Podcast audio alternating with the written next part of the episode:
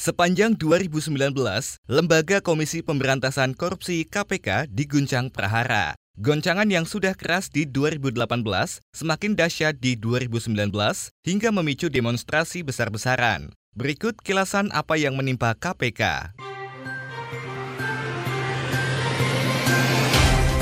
Anda mendengarkan kaleidoskop KPR 2019. Komisi Pemberantasan Korupsi KPK mengalami guncangan besar sejak Agustus lalu. Saat itu Presiden Joko Widodo mengajukan 10 nama calon pimpinan KPK ke DPR. Sejumlah nama dianggap bermasalah, termasuk dua anggota Polri yaitu Firly Bahuri dan Antam November. Seleksi calon pimpinan KPK di DPR mengundang gelombang aksi Save KPK. Aksi itu mendapat dukungan banyak tokoh termasuk Ketua Umum PBNU Said Agil Siraj. Datang ke sini dalam rangka pertama memberikan support dukungan atas nama pengurus besar Nahdlatul Ulama kepada KPK yang selama ini belum selesai dengan geger calon pimpinan KPK bermasalah, DPR resmi mengusulkan revisi Undang-Undang Komisi Pemberantasan Korupsi. Dalam rapat paripurna 5 September lalu, Wakil Ketua DPR Utut Adianto menyebut seluruh fraksi menyetujui usulan revisi itu.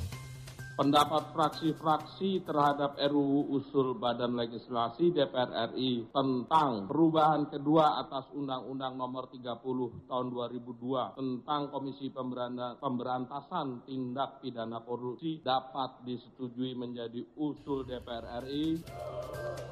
DPR ternyata sudah memasukkan revisi Undang-Undang KPK dalam program legislasi nasional 2015-2019. DPR juga sudah melakukan berbagai upaya untuk memuluskan langkah mereka, termasuk membuat hak angket atau penyelidikan pada KPK pada 2018. Tapi DPR membantah sedang melemahkan KPK. Begitu juga pemerintah mengklaim tidak tahu menau dengan rencana DPR merevisi Undang-Undang KPK. Itu inisiatif dari DPR ya, saya belum tahu isinya. Tapi yang jelas menurut saya KPK saat ini telah bekerja dengan baik. Ya, saya belum tahu jadi saya belum bisa menyampaikan apa-apa. Ya.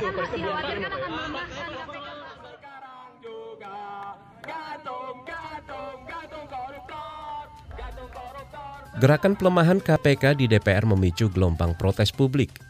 Mahasiswa, akademisi, LSM, tokoh agama, termasuk pimpinan dan pegawai KPK. Mereka menganggap KPK dalam bahaya. Peneliti ICW, Kurnia Ramadana menyebut DPR dan pemerintah terlibat dalam persekongkolan itu. Publik pun mendesak Presiden Joko Widodo menolak revisi dengan tidak mengirim wakil pemerintah dalam pembahasan rancangan undang-undang. Empat pimpinan KPK bahkan mengembalikan mandat ke Presiden Joko Widodo. Mahasiswa dan masyarakat terus bergerak di Jakarta, Bandung, Surabaya, Makassar, dan kota-kota lain menyuarakan penolakan revisi Undang-Undang KPK yang berbarengan dengan rencana pengesahan sejumlah RUU kontroversial. Aksi mereka kerap diwarnai bentrok dengan aparat. Tapi DPR dan pemerintah mengabaikan protes publik. Hanya dalam waktu dua pekan pembahasan revisi pun kelar. Dalam sidang paripurna 17 September 2019, Wakil Ketua DPR Fahri Hamzah menyatakan seluruh fraksi setuju dengan seluruh isi perombakan Undang-Undang KPK. Apakah pembicaraan tingkat dua pengambilan keputusan terhadap RUU tentang perubahan kedua atas Undang-Undang Nomor 30 Tahun 2002 tentang Komisi Pemberantasan Tindak Pidana Korupsi dapat disetujui untuk disahkan menjadi undang-undang. Menteri Hukum dan HAM Yasona Lauli mewakili pemerintah turut menyatakan akur dengan perubahan Undang-Undang KPK yang baru. kami mewakili Presiden dalam rapat paripurna yang terhormat ini dengan mengucapkan puji syukur kepada Tuhan Yang Maha Kuasa. Presiden menyatakan setuju rencana undang-undang tentang perubahan kedua atas undang-undang nomor 30 tahun 2000 tentang Komisi Pemberantasan Tindak Pidana Korupsi untuk disahkan menjadi undang-undang. Media massa dan media sosial penuh dengan ungkapan duka cita. KPK yang independen dianggap telah mati. Sejumlah tokoh masyarakat pun bersama pimpinan KPK mengajukan gugatan ke Mahkamah Konstitusi meminta agar undang-undang KPK yang baru dibatalkan.